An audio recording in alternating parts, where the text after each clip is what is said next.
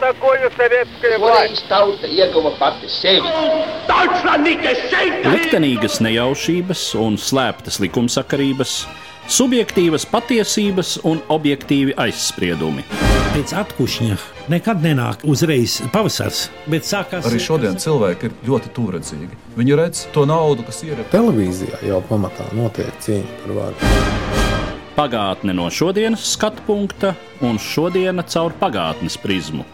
Raidījumā šīs dienas acīm. Katru svētdienu Latvijas radio eterā Eduards Liniņš. Labdien, cienījamie klausītāji! Esiet sveicināti jaunā 2023. gada pirmajā dienā. Kā jau ierasts ap gadumiju, es mēdzu atskatīties uz aizvadīto gadu, uz tajā izskanējušajiem raidījumiem, piedāvājot jūsu uzmanībai dažus iezīmīgākos fragmentus. Šoreiz tie visi vairāk vai mazāk saistās ar agresoru valsti Krieviju un tās noziedzīgo kāru pret Ukrainu. Viens no pamanāmākajiem notikumiem Latvijā, kas izrietēja no Krievijas agresijas, bija ar sarkanās armijas darbību saistīto pieminekļu demontāža. Pirmām kārtām tā sauktā pieminekļa padomju Latvijas un Rīgas atbrīvotājiem nojaukšana Pārdaugovā.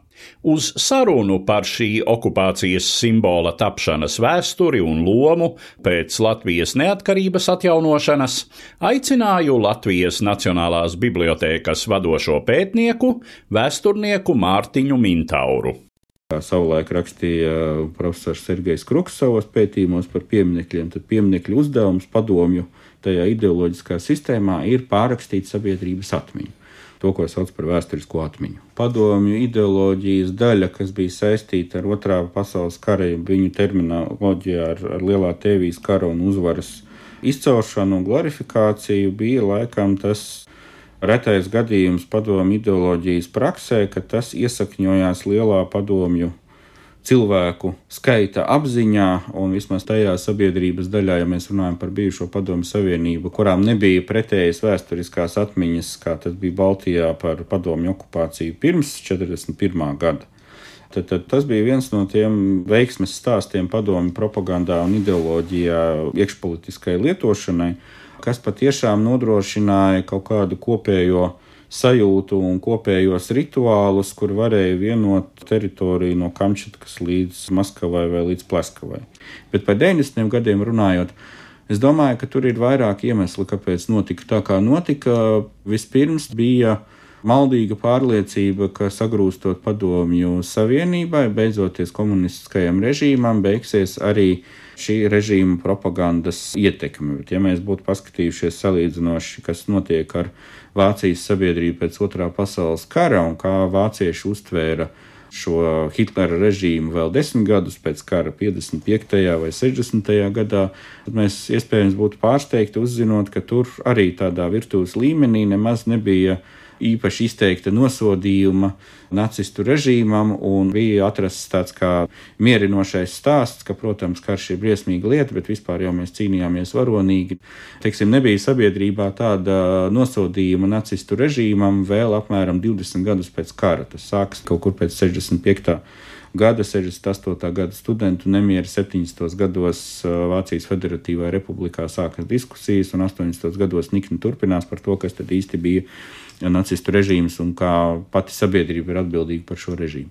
Līdz ar to tad, tad Padomju Savienība 90. gados sabrūka. Viena daļa Latvijas sabiedrības, tā, kur identificējās ar šo Latvijas vēsturi, kāda tā bija pirms padomju okupācijas, tad, tad nu, nosacīt sakot, latviešu sabiedrības lielākā daļa, acīm redzot, uzskata, ka padomju režīms ir beidzies, nu, tad, tad beigsies arī viss simboliskā saikne ar šiem padomju pieminekļiem. Ja? Nu, viņi tur kādu laiku paliks, kaut kad viņus varbūt novāks, bet. Nu, ka nomirs paši no nomirs sevis. paši dabīgā nāvē. Ja?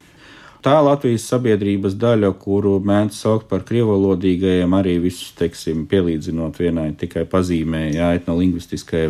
Kāpēc šī sabiedrības daļa identificējās joprojām ar padomu propagandas stāstu? Acīm redzot, tas liecina tikai par to, ka tā bija padomu propagandas veiksmīgākā daļa kura izmantoja, protams, to, ka daudziem PSRS iedzīvotājiem ģimenes vēsturē šis otrais pasaules karš vai lielais tēvijas karš bija realitāte. Es pat nezinu, un šķiet, ka Latvijā īpaši nav pētīts šis jautājums, kā veidojās šī krievalodīgās sabiedrības daļa identifikācija ar 9. maiju un ar uh, objektu pārdaugavā.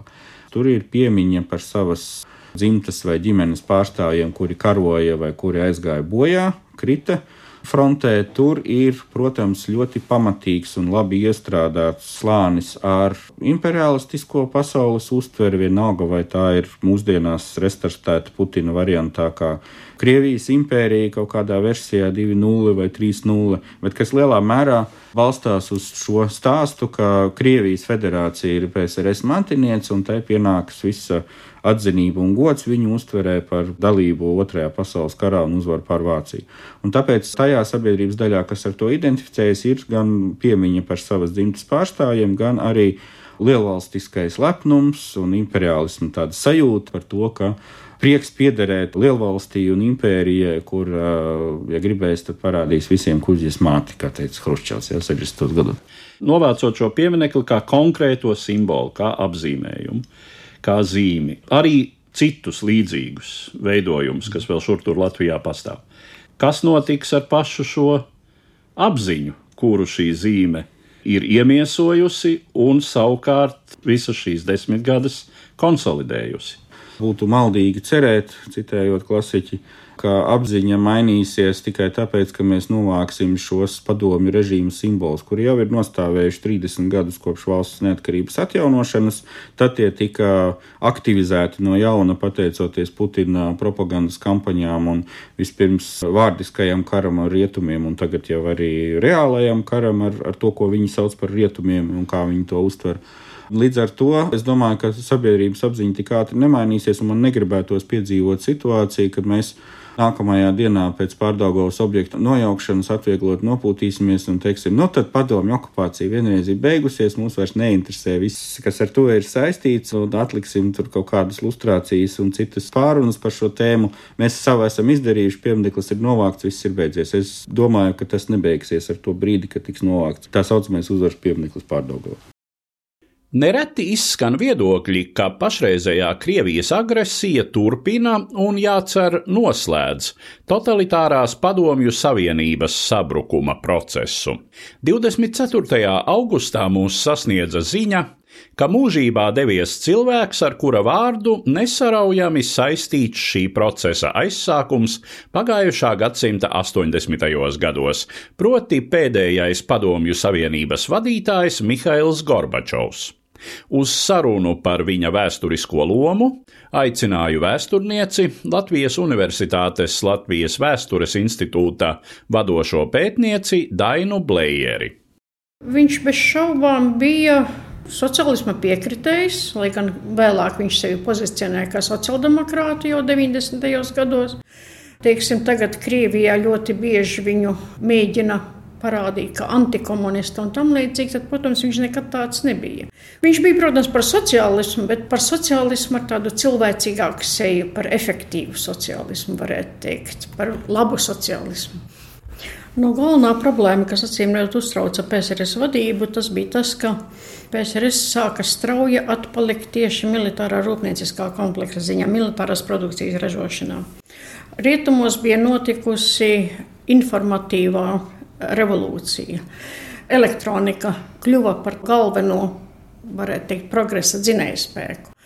Padomju Savienībā, ja teiksim, vēl 60. gados šķita, ka tur vēl vajag tikai drusku tā, drusku pacensties, tad jau 70. gados šī atpalicība bija acīm redzama, un 80. gados jau vienkārši vairs to absolūti nevarēja ignorēt. Un mēs, ap citu, redzam šīs atpalicības sekas šodien, kad izrādās, ka Putina karaspēks Ukrainā karo ar 50. un 60. gadu ieročiem. To ieroču tika saražots ārkārtīgi daudz, bet kvalitatīvi atbilstoši pasaules bruņojuma ražošanas tendencēm, to nevarēja saražot. Tur vajadzēja elektroniku, tur vajadzēja datorizāciju, tur vajadzēja daudzas citas lietas, kuras Padomu Savienība nespēja nodrošināt. Problēma bija tā, ka no sākuma principā uzskatīja, ka pats galvenais ir piešķirt kaut kādu impulsu, lai viss notiek ātrāk. Tieši tāpēc runāju par pātrinājumu. Arī termins perestroika, arī latviešu starp citu tā laika presē no sākuma to tulkoja kā pārkārtošanos. Tikai vēlāk tas kļuva par pārbūvi 1987. gadā. Bet no tā nekas prātīgs nesanāca. 85.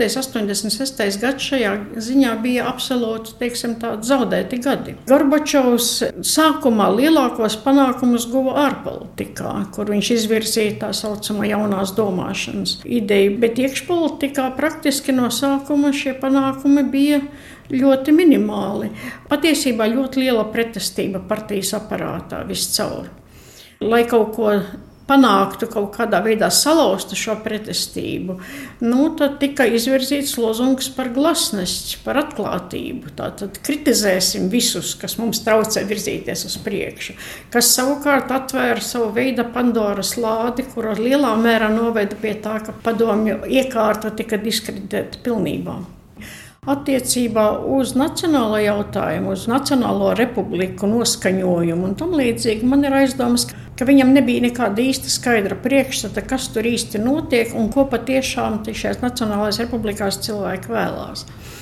Viņi uzskatīja, ka visā Padomju Savienībā padomju vara ir pietiekami nostiprinājusies, ka šī sistēma ir ieaugusi cilvēkos un ka nekādas pretestības te nevarētu būt vispār. Tas bija ļoti negaidīti, ka izrādījās, ka pēkšņi paceļās jautājums par Molotova-Ribbentropa paktu, paceļās jautājums par to, kā tad, teiksim, Baltijas valstis ir nokļuvuši Padomju Savienības sastāvā un ka vispār mēs negribam būt Padomju Savienības sastāvā. Viss tas, kas bija noslēpts, kas stāvēja zem kaut kādas preses un teiksim, draudēja ar represijām, jebkāda nacionālā jautājuma pieminēšana vai kaut kāda vietējā lokālo interešu izvirzīšana pār Maskavas interesēm. Tas pēkšņi izrādījās, ka tas viss ir ārkārtīgi svarīgi. Man ir tāda sajūta, ka Gorbačovs līdz pat Padomju Savienības sabrukumam patiešām īsti šo jautājumu neizprata līdz galam, ir sevišķi tieksim, attiecībā uz Baltijas valstīm. Daudzajā ziņā viņš varbūt bija vājš, viņš rīkojās nekonsekventi. Taču, ja piemēram nu, kaut kāds nu, Jēgors Ligačovs, kas arī bija viņa sāncensis apmēram tajā laikā, nu, varēja mēģināt to padomu savienību noturēt iekārtu šo noturēt uz kādu laiku. Pilnīgi iespējams. Nu, vai arī, ja būtu arī 91. gada augusta apvērsums būtu bijis sekmīgs, nu, jā, varbūt dažus gadus Padomju Savienība varēja noturēties, bet tas nozīmētu ekonomisku un militāru un visāda citāda veida degradāciju un diezgan strauju degradāciju. Man kaut kā negribās ticēt, ka līdz šim laikam, piemēram, 30 gadus, būtu šī valsts spējusi noturēties. Ziemeļkoreja tomēr ir maza valsts relatīvi, bet iedomājieties visu milzīgā padomu savienību, viņa pieaug ekonomiskās problēmas, etniskās attiecības sāsinās, ekoloģiskās problēmas, viss, kas bija sakrājies tam visam vajadzēja būt kaut kādai izējai. Un tā agri vai vēl, jā, varbūt varēja uz gadiem pieciem, varbūt uz desmit gadiem varēja, varēja paildzināt. Bet tas arī viss. Pavasara pusē Rīgā viesojās amerikāņu žurnāliste un Džordžtaunas Universitātes pasniedzēja, Padomju Savienības un Krievijas eksperte Džila Dohertija. Mūsu sarunā cita starpā taujāju pēc viņas viedokļa par to, kas turpmāk varētu notikt ar agresoru valsti Krieviju. I think under Putin it's going to be very difficult because he is continuing the war in Ukraine. He does not show any sign of stopping the war in Ukraine. Es domāju, ar Putinu tas būs ļoti grūti, jo viņš turpina karu Ukrainā un neizrāda nekādas pazīmes, ka taisītos to beigt. Un kamēr turpināsies karš Ukrainā, turpināsies sankcijas, turpināsies Krievijas izolēšana no pasaules. Un es domāju, ka pašā Krievijā būs arvien vairāk represiju. Ja Putins jūt, ka viņš zaudē, protams, viņš vienmēr var mēģināt pasludināt, ka uzvarējis. Viņš vienmēr var definēt savus mērķus no jauna un paziņot, ka ir tos sasniedzis, piemēram, ka ir glābis Donbass Donbasu vai vēl ko citu. Tomēr es domāju, ka vidusmēra krieviem situācija kļūs daudz represīvāka. Ikvienam, kas ir pret Putinu vai pret sistēmu vai pret karu, draudēs nepatikšanas, un vidusmēra cilvēki visdrīzāk izlems, ka nav vērts uzstāties pret karu, riskējot ar arestu. Tomēr es arī uzskatu, ka viss ir ļoti neparedzami. Ja jūs saliekat kopā ekonomiku, kas jau ir briesmīgā stāvoklī un būs tikai vēl sliktāk, tad 18, 19 gadus vecos zēnus, kuri tiek nogalināti Ukrainā un viņu līķi nogādāti atpakaļ ģimenēm, un šīs ģimenes sāks aizdomāties. Jā, daži joprojām domās, mans dēls krita par Krieviju, bet citi tomēr varbūt vaicās, vai tas bija tā vērts tas var palielināt šaubas par Putinu. Un tad pati tā doma, ka Krievija tiešām ir izolēta no pasaules, ne jau tikai no rietumiem, tā ir izolēta no daudzām pasaules daļām. Krievi vairs nevar ceļot, vairs nevar nopirkt daudz no tā, pie kā ir pieraduši, jo piegādes ķēdes ir pārtrauktas.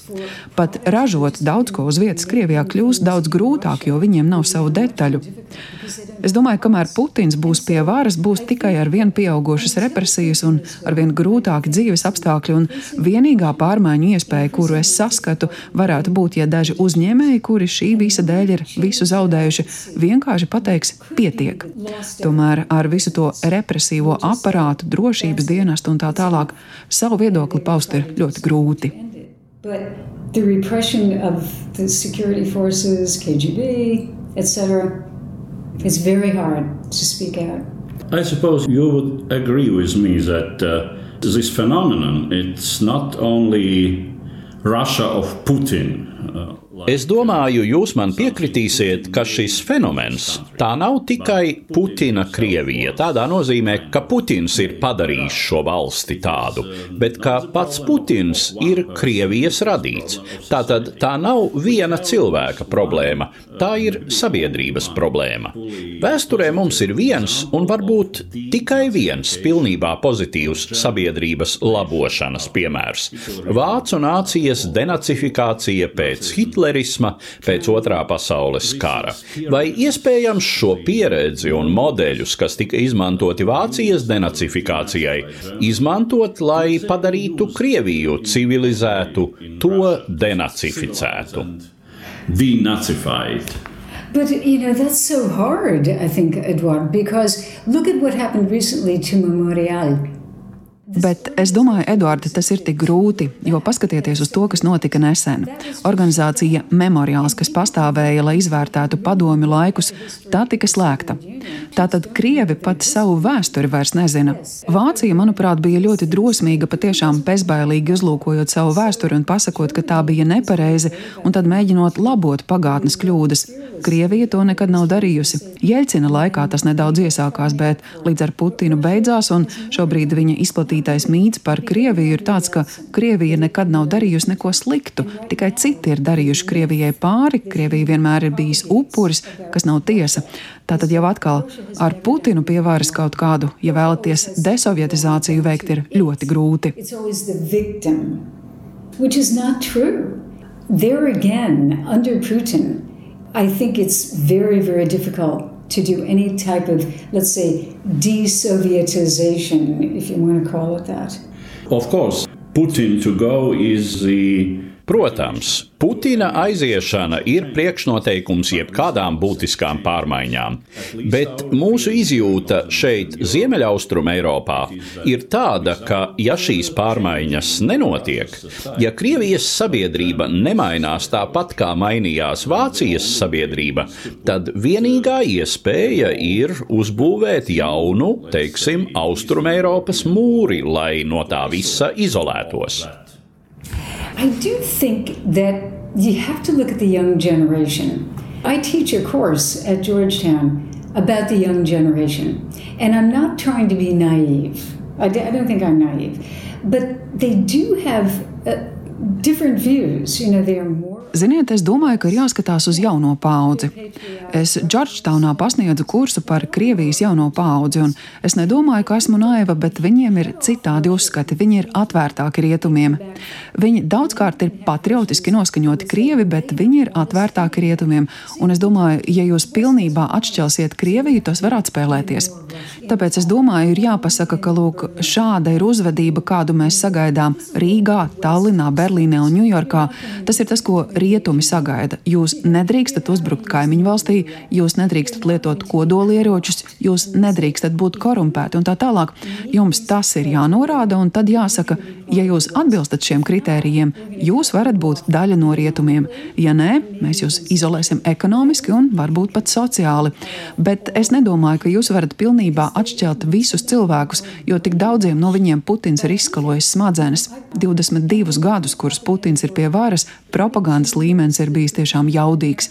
Tāpēc nav brīnums, ka viņi tā domā. Jo krievi sevi uzskata par neapšaubāmi labajiem cilvēkiem. Tas ir tas, kam viņi tic. That's, that is what they believe. Jā, tā ir. Un jebkurš cits viedoklis viņiem šķiet pazemojošs. Tādu koncepciju izvirza arī daži pat demokrātiski un liberāli domājoši Krievijas politologi. Viņi saka, jūs nedrīkstat pazemot Krievu tautu. Ja jūs pazemosiet Krievu tautu, tad tā cīnīsies līdz pēdējam. Tas izklausās tā vienkāršoti, bet tā, manuprāt, ir problēmas būtība. Mēs nevaram sagaidīt nekādas pārmaiņas, nepasakot Krieviem, ka viņi ir bijuši sliktie. You do have to tell them they're, they're bad, and I think to, they have to accept that. But Russians do not think of themselves as bad people. And so I don't know how you do this. I think it would have to be a big public education ir jāpasaka viņiem, ka viņi ir slikti, un es domāju, ka viņiem tas ir jāpieņem. Tai vajadzētu būt lielai sabiedrības izglītošanai, bet manā skatījumā problēma ar Krieviju ir tāda, ka tā nevēlas būt tikai neliela daļa no pasaules. Tā nevēlas būt Francija, tā nevēlas būt Beļģija, tā negrib būt Latvija. Tā vēlas būt kā Savienotās valstis, kā liela, svarīga, superliela valsts. Paskatieties uz apvienoto nāciju organizāciju, paskatieties uz jebkuru organizāciju, kurai viņi pievienojas. Viņi tās visas vēlas vadīt. Un es to saku kā amerikānis, kuram arī patīk vadīt lietas, tomēr citādāk mums tomēr ir cita pieeja. Tāpēc es uzskatu, ka jums būs jāsāk ar izglītību skolās, liekot krieviem saprast, ka jā, Viņiem ir unikāla vēsture un kultūra, bet arī citām valstīm tāda ir. Ka arī citās valstīs, pat mazās valstīs, ir tradīcijas, kultūra un vēsture, kas ir jāciena. Bet es domāju, ka Krievija šobrīd gandrīz tāpat kā 19. gadsimtā domā, ka lielās valstis, Savienotās valstis, Ķīna, Krievija var noteikt, kā visiem pārējiem rīkoties, un tas ir smieklīgs viedoklis. Krievijas sabiedrības raksturs kā Kremļa agresijas cēlonis bija arī viena no tēmām manā sarunā ar ukraiņu aktrisi un sabiedrisko darbinieci Rimu Zjubinu, kad viņa šovasar viesojās Rīgā Ģertrūdes ielas teātrī. Vilkām paralēles starp šodienas Krieviju un hitlerisko Vāciju. Ідеологічно мені здається, що в ті, хто створюють ідеологію російського pseido цього patriotismu. Ideoloģiski man šķiet, ir, jo tie, kuri būvēja šo Krievijas pseido patriotisma ideoloģiju, nacionālo ideju, balstās nevis kādos šodienas sasniegumos, bet pagātnē. Bet tā kā pagātnē nav ar ko īpaši lepoties, tad tiek ņemta šī militārā uzvara. Tas, kā ideoloģiski caur televīziju tiek uzlādēti, nozombēti Krievijas iedzīvotāji, tas ir tāpat kā toreiz tika darīts par radio. Pusdienlaikā, kā tā laika Vācijā, kad tika stāstīts, cik draņķīga mums Vācijā ir dzīve un kas pie tā ir vainīgs, kura tauta ir vainīga. Tas viss tika stāstīts pusdienlaikā, kad mājsaimnieces gatavoja ēst. Un vakarā, kad vīrs noguris pārnāca mājās un apsēdās paēst, tad sieva viņam ņēmās atstāstīt. Zini, šodien par radio teica, ka ir tā un tā. Tikai toreiz jau nebija tādas informācijas kā šodien. Nebija iespējas pārbaudīt visu trīs reizes, kā šodien to dara žurnālisti. Man ir skumji, ka cilvēks taču var ar vienu pogas spiedienu telefonā apskatīt visus pasaules muzejus, noskatīties visas eh, Federico Felīnī filmas, bet viņš izvēlas kaut kādus debilus video, kaut kādas tanciņu spēles un visu sevis notrulināšanai, nevis izaugsmai. Man tas jau sen uztrauc. Savulaik, kad es tikos ar jauniešiem Ukrainā, es teicu viņiem: redziet, mēs jums atstājam Ukrainu neideālā stāvoklī.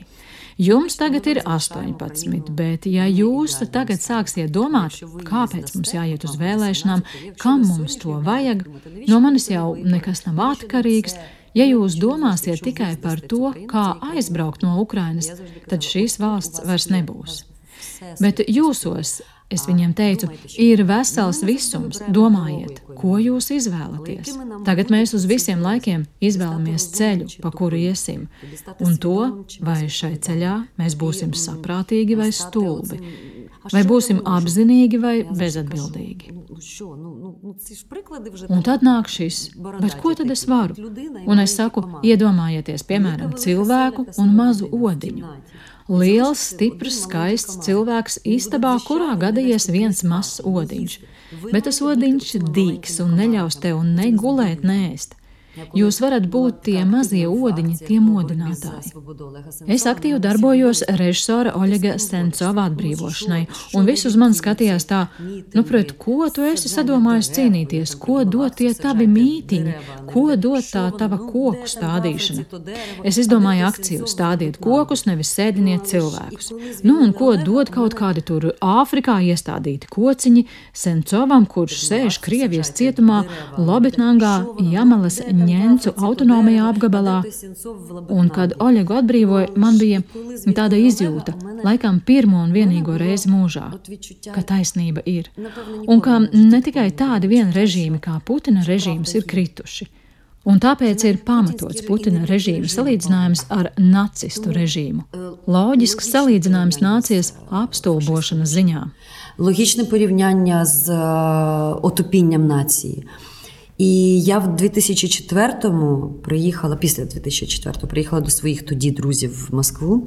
Pēc 2004. gada oranžās revolūcijas es aizbraucu pie saviem draugiem uz Maskavu. Aizvedu viņiem fotogrāfijas no Maidana, no prezidenta Juščenko inaugurācijas. Tais bildēs mans dēls vēl ir pavisam mazs. Mans vīrs viņu tura uz rokām, mums visiem ir oranžas lentītes. Manu Maskavas draugu ģimene, sieva ir kinorežisora, vīrs darbojas televīzijā. Drošības nolūkos uzvārds tagad eh, nesauksim. Un viņa man teica, tev tā kvēlo acis. Mums tā kvēloja Jēlcina pirmajos pāris trīs gados, un mēs ticām, ka pēc jūsu maidana būs mūsu maidans, un mēs visu mainīsim. Bet Putins to nepieļaus, jo pēc Maidana, ja tauta sacelsies, tad Krievijā paliks kādas četras guberņas. Tā mēs runājāmies Maskavā 2005. gadā, un cilvēkiem vēl bija cerības. Es esmu dzimusi 1971. gadā, un mani pusaudzes gadi iekrita Gorbačova pārbūves laikā. Tolaik bija tā, ka tu paņēmi to bibliotēkas grāmatu, kuru tu savos 15 gados vēl īsti pat nesaproti, teiksim, Bulgakova meistaru un Margaritu vai Solžaņicinu, tev to iedod uz vienu nakti, otrā dienā jau jādod atpakaļ. Tu to lasi un tu saproti, ka esi kaut kam piederīga. Tu redzi to skatījumu, to citādo domāšanu, un man šķita, nu kāpēc tā visa var pārvērsties par tādu valsti kā šodienas Krievija? Tas ir mans jautājums. Viena lieta ir, ja tu esi dzīvojis drāmķīgi un turpini dzīvot drāmķīgi, stabilitāte, kā teica mūsu Janukovičs.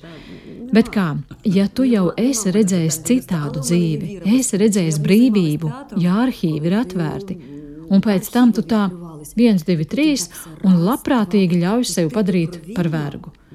Tas ir mans jautājums cilvēcei. Lai gan nē, cilvēcēji man jautājumu nav.